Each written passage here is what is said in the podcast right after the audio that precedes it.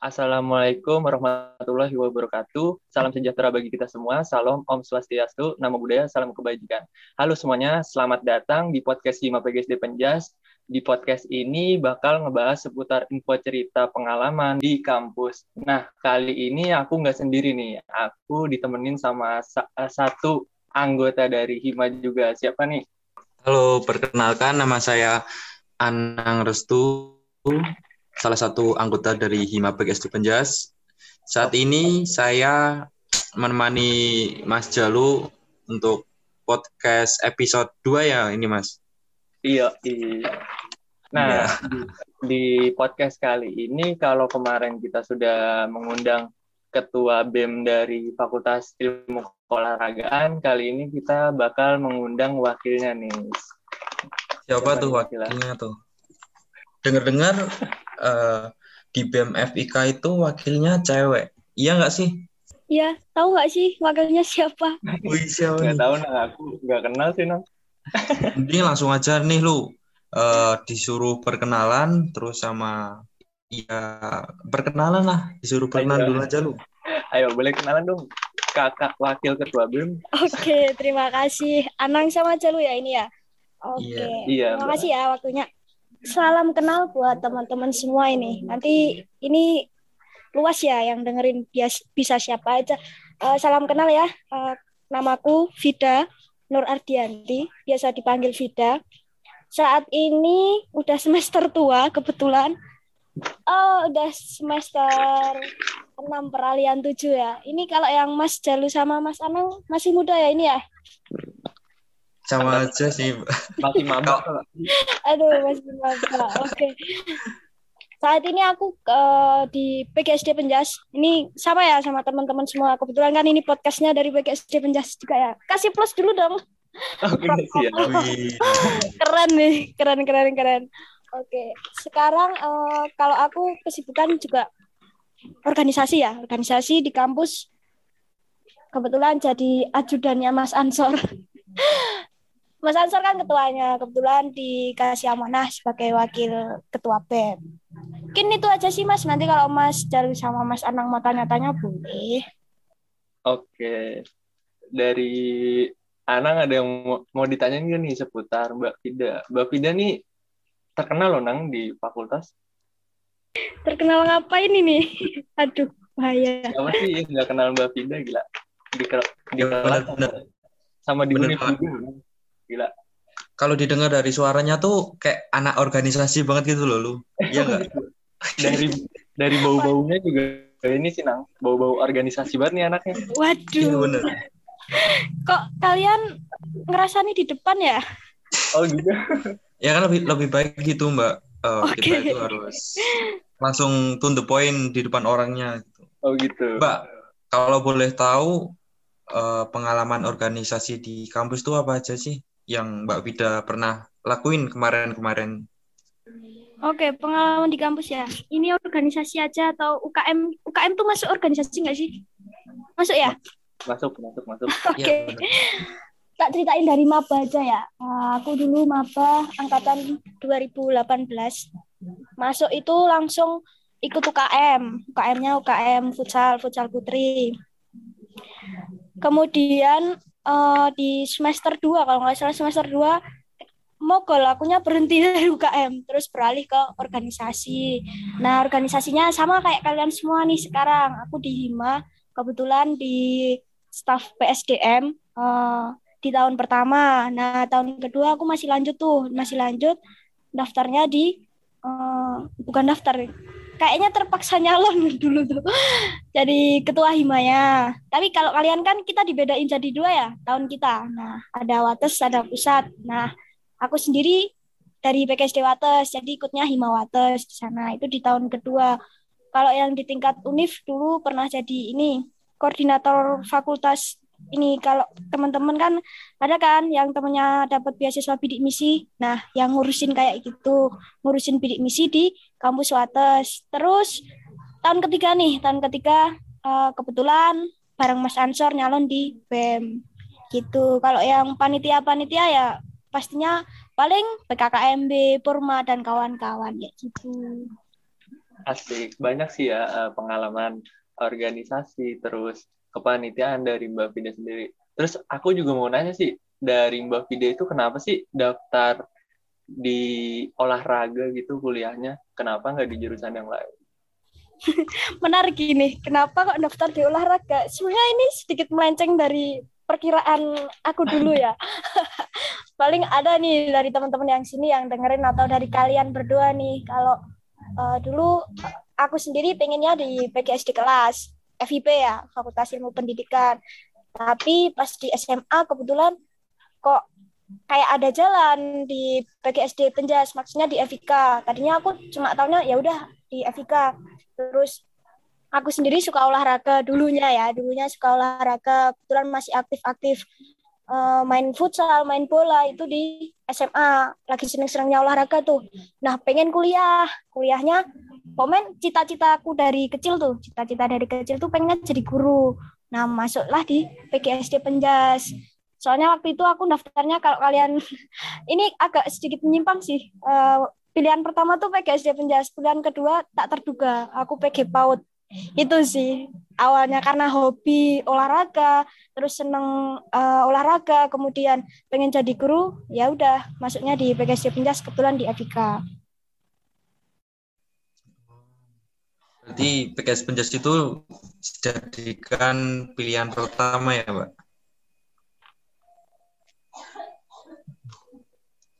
Terus uh, jalur masuknya di FIKUN itu masuknya lewat SN atau atau ujian mandiri gitu mbak? Oke, aku masuk di FIK UNJ kebetulan jalur pertamanya SNMPTN, eh, jalur apa ya? Ya kadang orang bilang itu jalur bejo tapi nek menurutku bukan jalur bejo sih sama-sama berjuang cuman beda aja kesempatan masuknya kayak gitu aku di SNMPTN Oke, berarti udah emang udah niat banget ya Mbak masuk di PGSD itu? Uh, Sebenarnya niat niat enggaknya tuh di awalnya tuh karena ini didaftarin dulu sama guru BK aku. Oh gitu, oke oke. Berarti anak iya. ambis ambis banget nih lu. Aduh. Anak SN. Oh gitu. Kita apa? Kita kan anak SPM lu. Oh gitu. Eh, jalur berjuang dong. SPM tuh berjuangnya malah lebih. Oh, gini Mbak, tapi pas kalau Anang bejo sih ya, emang harus belajar.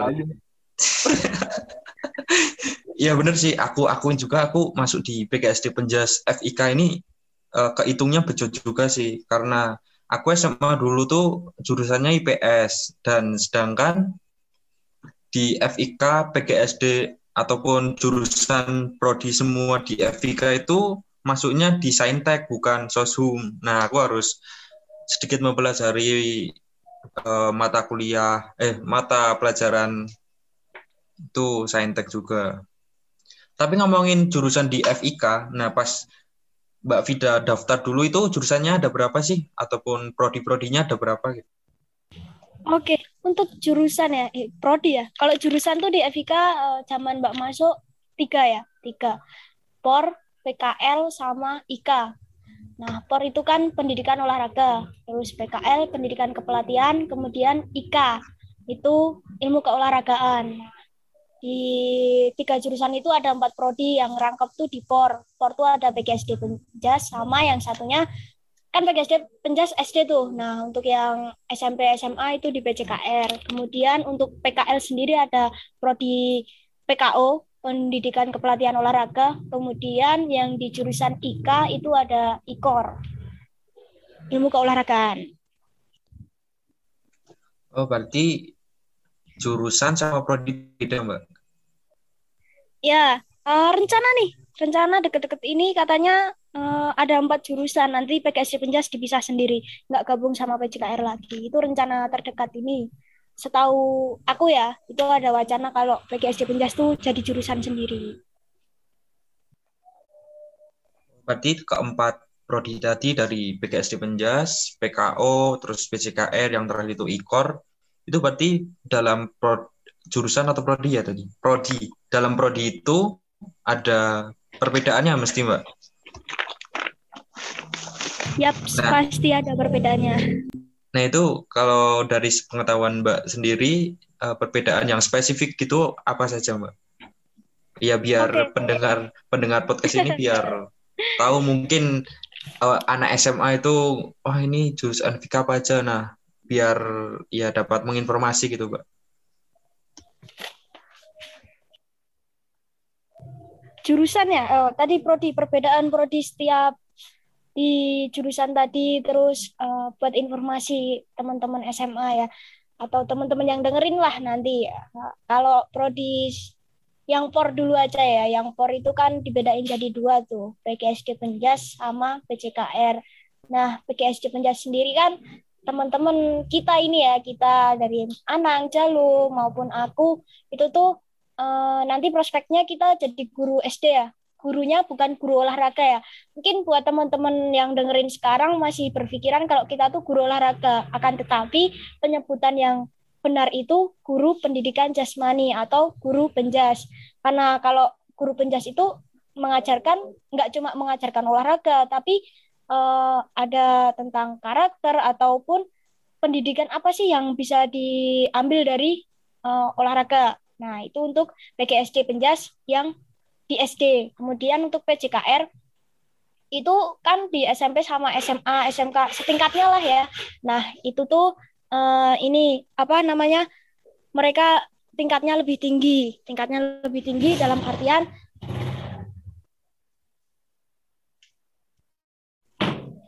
tingkatnya lebih tinggi itu uh, dari pelajarannya, matkulnya. Nah, itu lebih meningkat daripada yang PKSD Penjas. Kalau di PKSD Penjas itu kita lebih ke anak-anak, lebih ke treatment ke anak tuh kayak gimana dan kita tidak terlalu memperhatikan skill akan tetapi uh, tentang dasar-dasar kalau di SD ya eh, dasar-dasar kemudian karakter ataupun apa saja yang anak itu harus bisa. Yang penting anak tuh berani coba kalau di SD ya. Nah kalau untuk di SMP SMA ini udah semakin meningkat lagi. Mereka lebih kompleks lagi dipelajari tentang uh, skillnya, keterampilannya, mau yang bermain basket lah, bermain uh, futsal, uh, sepak bola. Nah, yang unik juga yang bedain PGSD Penjas sama PG apa? PGSD Penjas sama PCKR itu PGSD Penjas lebih men, apa ya ya bukannya kita promosi nih ya promosi prodi sendiri kalau di PGSD Penjas tuh kita lebih sering main ya uh, lebih sering main karena kita akan belajar ke anak-anak ke anak-anak tentang permainan-permainan.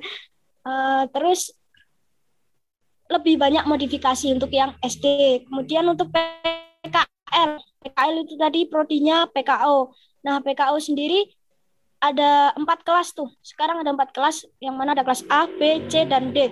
Untuk kelas A sendiri itu setahu Mbak ya, setahu aku itu kelas untuk teman-teman yang sepak bola, sepak bola. Kemudian untuk yang kelas B itu olah olahraga berlegu kalau nggak salah kayak voli, basket dan kawan-kawan. Kemudian untuk kelas C PKO kelas C itu untuk olahraga bela diri dan untuk kelas D itu unggulan. Mereka biasanya banyak yang berprestasi dan di kelas D juga istimewa karena ada beasiswanya. Kemudian yang terakhir ada IKOR ya. IKOR itu uh, ada beberapa sih uh, kalau di IKOR itu ada konsentrasinya juga sebenarnya kayak PKO ada konsentrasi tentang terapi, kebugaran, manajemen dan adaptif olahraga. Kayak gitu sih. Ini bicara yang pas prodiku apa udah langsung ini nih yang PJK apa yang D4 nih belum sampai ke D4 ya? Iya Mbak, belum. Uh, tadi kan dari Mbak Fida sendiri juga udah dikasih informasi tuh seputar prodi S1 yang ada di FIK UNY. Nah, aku dengar-dengar juga itu di UNY di FIK UNY itu mau nambah prodi lagi. Uh, kelulusannya untuk kelulusan D4 itu. Uh, dari Mbak Fida sendiri udah tahu informasinya tentang itu nggak Mbak Fida? Nah, benar-benar.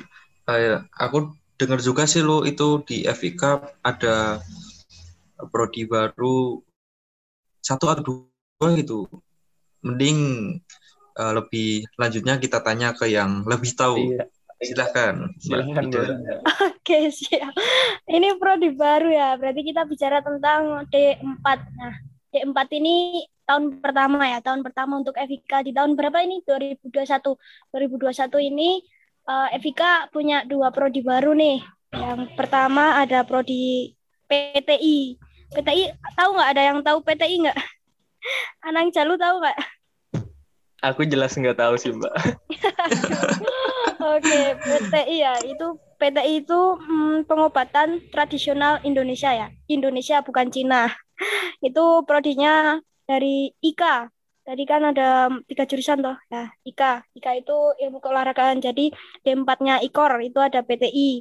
Kemudian ada lagi satu prodi itu pengelolaan usaha rekreasi. Nah, kalau ini tuh sepertinya anakan dari POR deh, tapi aku kurang paham dari PJKR atau mana karena ada rekreasinya mungkin ya. Aku masih gatuk-gatukin sama PJKR. Ini kalau dua prodi ini ada di dua kampus ya, kebetulan kepisah semua nih. Yang PTI tadi, PTI ada di kampus Wates. Nah, kampus Wates tuh kenapa masih ada FIK ya? Dulunya kan cuma ada PGSD ya, PGSD. Jadi kan PGSD dulu. Benar, benar, benar, benar. ada PGSD Penjas dipisah jadi dua tuh waduh kayaknya eh, anak kok dipisah gitu. PGSD Penjas Pusat sama Wates ya. Kemudian di tahun ini eh, dihabiskan tuh yang ada di Wates. Terus untuk menjaga biar masih tetap ada FIK-nya di Wates itu ada PTI kenapa dipertahanin di Wates itu ada FIK Eh, sejarahnya ya. Eh, setahu aku sejarah eh, Wates itu ini apa dulunya SGO tahu kan? Sekolah guru olahraga. Nah kalau teman-teman ini ada yang udah pernah ke atas belum? Belum ya? Eh, kalau aku belum pernah sih, Mbak. Malu-maluin aja, aduh ke SD kok belum pernah ke Wates ini. Kalau ke Wates kalian di depan gor tuh biasanya ada patung kayak lempar lembing itu. Eh lempar lembing apa lempar apa ya? Lupa aku. Cuma ada patung eh, atletik gitu nah itu dulunya dari SGO kemudian melebar-lebar sekarang jadi kampus diploma. Jadi yang di Wates itu semuanya D4 D4 kecuali yang masih tersisa ya kayak GSD Penjas tinggal angkatanku sama angkatan bawahku ya angkatan eh, 2018 sama angkatan 2019 kemudian yang dari PGSD FIP juga masih ada. Eh, di sana ada angkatan 18 juga angkatan 19 oh kalau di Wates itu jadi FIK cuma ada satu obat tradisional Indonesia. Yang lainnya dari fakultas teknik fakultas ekonomi dan udah teknik sama ekonomi. Terus yang kedua itu tadi ada hmm, pengelolaan usaha rekreasi ya. Nah itu aku belum tahu banyak sih. Tapi yang D4 ini D4 kebetulan aku lihat di informasinya eh, menerima 40 mahasiswa baik yang pengobatan tradisional Indonesia maupun yang pengelolaan usaha rekreasi. Jadi mereka semua menampung 40 mahasiswa. Nah, tadi untuk pengobatan tradisional di Watas, kemudian yang pengelolaan usaha ini ada di kampus Gunung Kidul, kampus terbaru kita nih. Kayaknya belum pernah dipakai offline deh eh, sejauh ini ya, sejauh dibangun ini. Karena baru dibangun tahun berapa sih? Tahun 2019 atau 20 tuh. Nah, itu udah ada satu prodi eh, dari FIK. Itu anakan dari BCKR kalau prospek kerjanya ya ini bicara tentang prospek kerjanya apa nanti aja Nah, nih bentar, bentar sih, Pro- Mbak. Eh, prospek untuk kerja propes pros pro peluang kerja ya Oke. tadi. Peluang kerja tuh eh, dibahas habis ini nanti aja mbak. Heeh. oke berarti itu aja. Yang ada dua kampus di D4 ini karena dipisah semua nih jadi ada D4 pengobatan tradisional di Wates kemudian pengelolaan usaha rekreasi di Gunung Kidul. Eh, berarti yang aku tangkap eh, di FIK itu ada prodi baru ada dua. Yang pertama tadi PTI yang yang pertama PTI yang kedua itu eh, apa tadi pengelolaan Eh, pengelolaan usaha usaha rekreasi rekreasi oh, berarti itu kampus kampusnya yang pertama ada di Wates dan yang kedua di Gunung Kidul. Nah itu itu nanti untuk akses jalan ke sana ke sananya itu gimana Mbak? Akses jalannya. Kalau Iya. dari ini bicara offline ya kita. Ya toh. Iya iya benar benar. bicara offline. Kalau ke Gunung Kidul, jujur aku sendiri belum pernah ke sana. Maksudnya belum pernah ke kampus Gunung Kidul. Eh, tapi kayaknya nggak pelosok-pelosok ya. Kalau yang di Wates itu banyak teman-teman yang tahunya tuh juga pelosok. Padahal di kampus Wates itu deket sama alun-alun, da- eh, deket sama persimpangan simpang lima itu apa patung Buddha. Jadi sebenarnya kampus Wates pun juga enggak nggak termasuk pelosok gitu. Untuk aksesnya pun dari kampus pusat ke kampus Wates itu ada shuttle bis. Jadi ada shuttle ya nanti eh, ada jam-jamnya. Kalau yang Gunung Kidul aku kurang paham sih. Oke, itu kan tadi a- ada disebutin juga ada prodi-prodi yang ada di FIK juga, terus ada perbedaan juga dari setiap prodi. Nah, eh, dari itu sendiri mau nanya dong kayak peluang kerja setiap prodi itu apa aja sih, Mbak? Eh, ini ya bicara tentang peluang kerja berarti kita keseluruhan ya sarjana sama D4 tadi ya. Untuk peluang kerja yang dari PGSD Penjas nih, prodi kita dulu. Prodi kita itu peluangnya ya jelas kita eh, nantinya bakalan jadi guru ya. Kalau kalian nggak pengen jadi guru sebenarnya eh, udah di tahap sekarang tahap sekarang ini Anang sama Jalu juga udah semester 4 ya. 4 apa? Masuk. Semester lima. Ya. Ah, Lima masuk semester lima. Eh, ya udah prospek kita ya emang jadi guru gitu loh. Soalnya kita kan udah PGSD pendidikan dasar eh, untuk pendidikan jasmani. Kemudian untuk yang PJKR ini juga guru. Nah untuk PJKR kan tadi di guru SMP sama SMA eh, sederajatnya ya entah itu MTS MA atau yang lainnya. Sebenarnya untuk yang pendidikan ini pendidikan apa namanya eh, pendidikan yang PGSD sama PCKR nggak semuanya juga jadi guru. Banyak juga yang mereka eh, ada sampingan malah jadi pengusaha yang buka usaha. Jadi tapi untuk prospek kerja dari sesuai dengan prodi itu mereka ya jadi guru. Kemudian untuk ikor ya untuk ikor tadi kompleks ya soalnya ikor kan ada empat ya tadi ada empat konsentrasi Eh, empat konsentrasi itu yang pertama ada terapi eh, kebugaran manajemen, kemudian adaptif. Nah, untuk terapi sendiri, prospek kerja mereka nanti ya jelas eh, mereka nanti di kayak klinik olahraga atau di klub-klub sepak klub-klub olahraga juga ya. Entah nanti di sepak bola, voli dan lain-lain. Kemudian untuk eh, kebugaran. Kebugaran itu nanti lebih masuk ke fitness. Banyak kan kalau teman-teman yang lihat itu kok mahasiswa FIK masih kuliah di fitnessan, mereka praktek apa?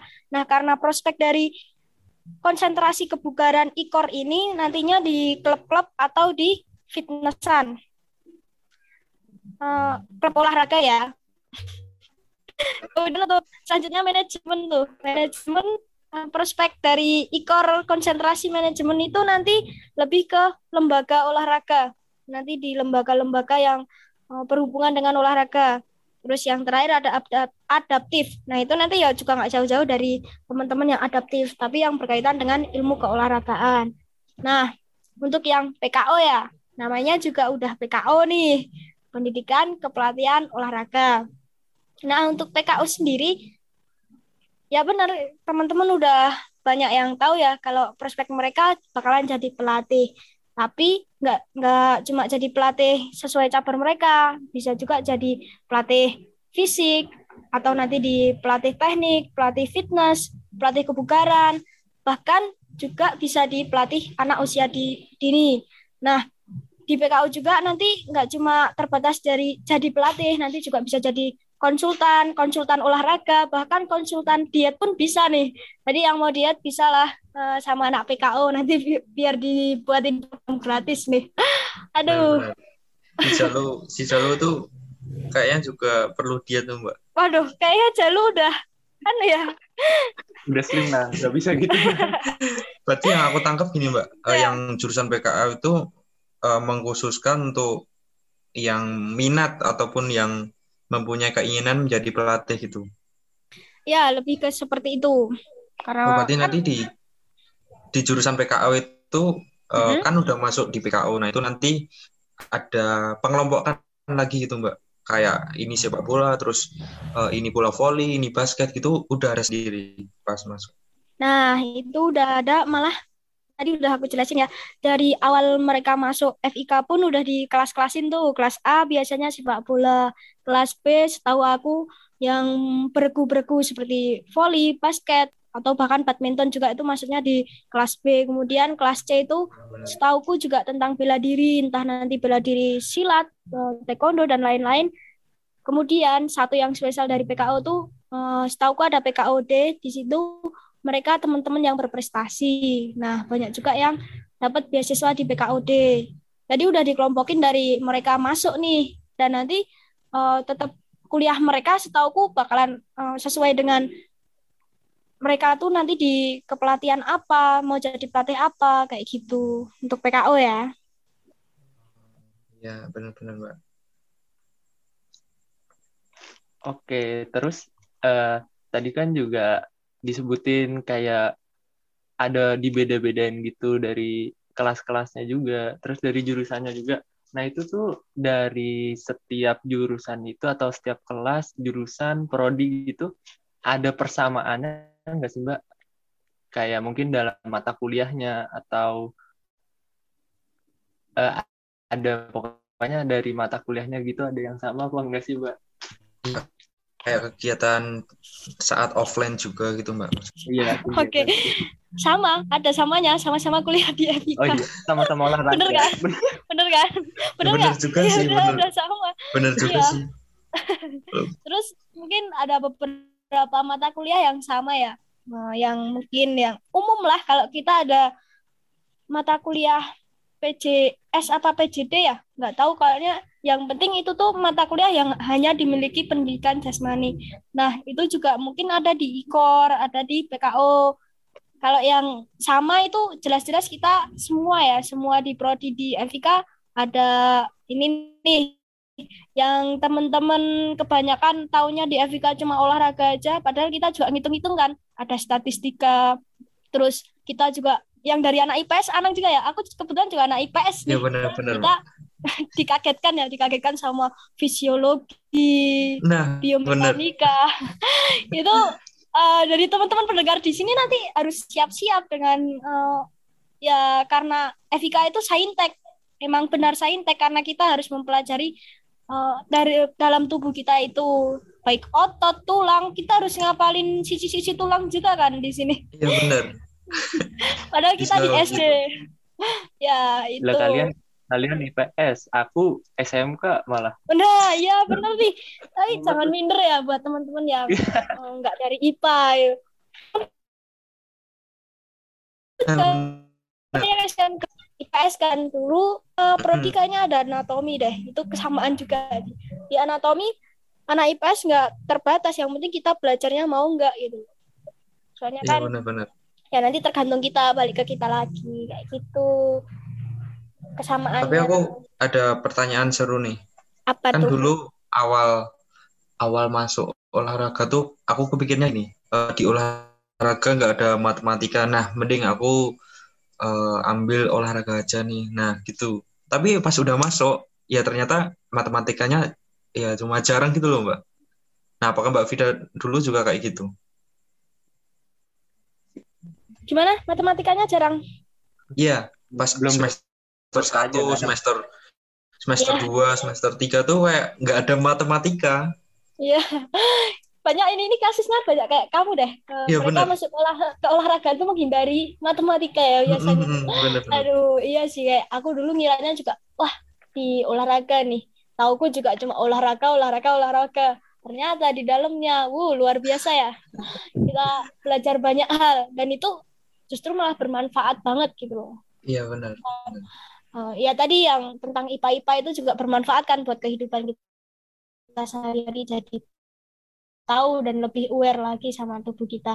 Terus kalau matematika sebenarnya ya emang sedikit sih. Cuma di apa nih Statistika. di eh, statistika ya eh, di statistika itu kan Nah, aku ini baru ngambil statistika itu. Ya, itu nanti bisa dinikmati karena statistika ini tuh mata kuliah yang uh, gunanya nanti juga buat skripsian gitu loh. Hmm. Buat penghitungan di skripsian. Jadi semua prodi itu juga ada statistika, ada metodologi penelitian, terus tadi yang berbau IPA-IPAan. Ya kayak gitulah.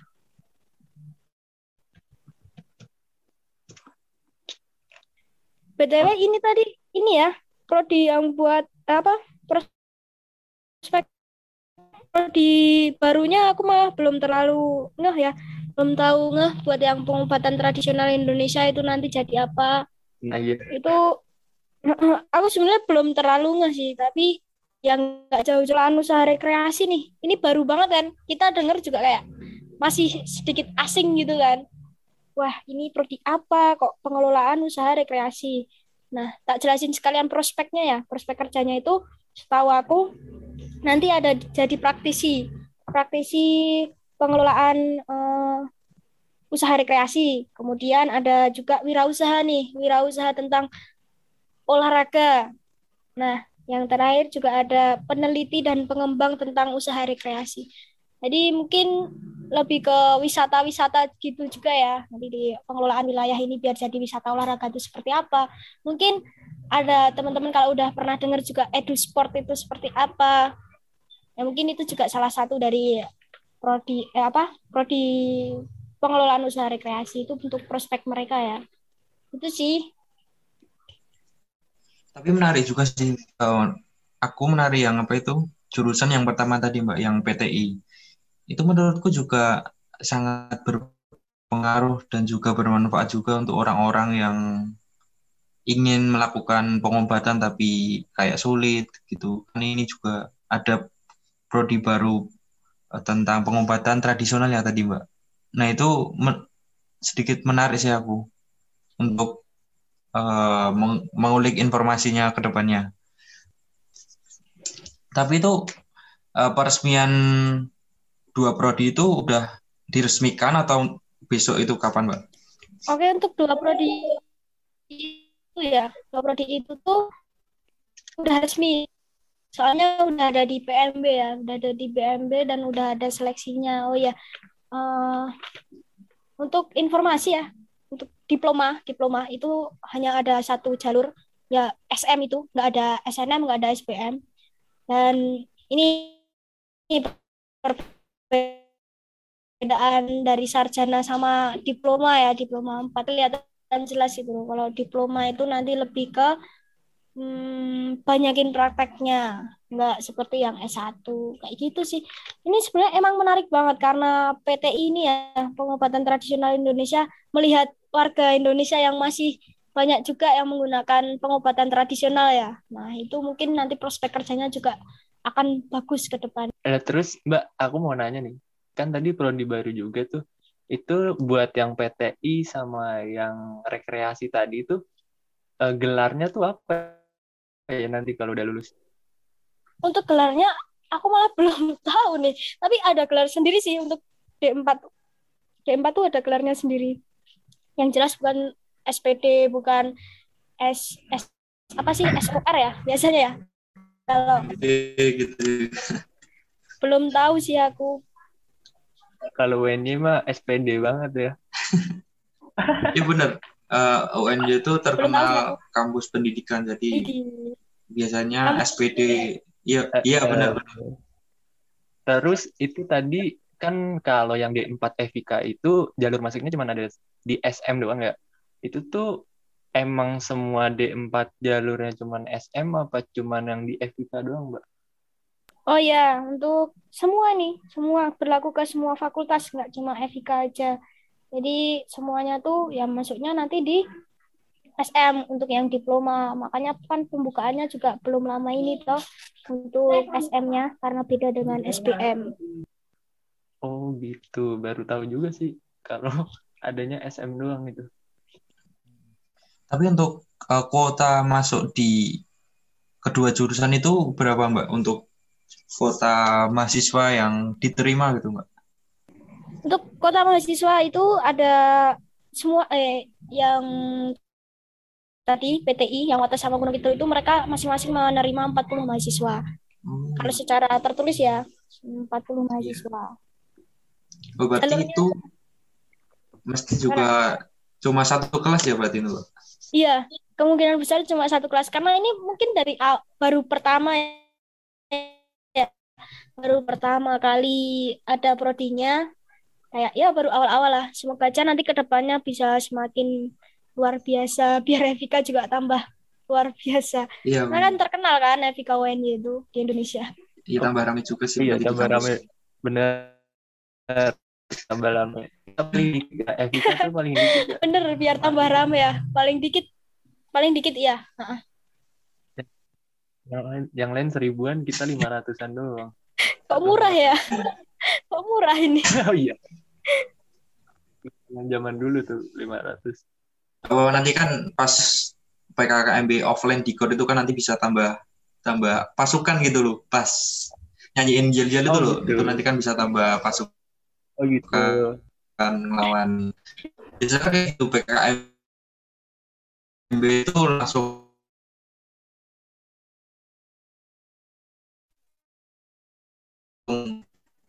kayak adu aksi adu ini juga gitu Kita masih di online. Tapi percayalah nggak mengecewakan kok masuk ke UNYB.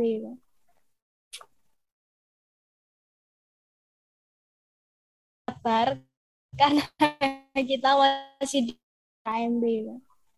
Nanti Eh. lihat aja PKM PKKMB online juga. Anjir gue lupa nang. Ah, ini. Oke lanjut kita lanjut ya. Eh, dari Mbak Fida sendiri itu ada nggak sih eh, apa mungkin ada kesan eh ada kesan ada pesan gitu buat teman-teman mungkin maba-maba yang baru masuk tahun besok atau yang udah rencana masuk FIK gitu cara memilih prodi di FIK. Siap.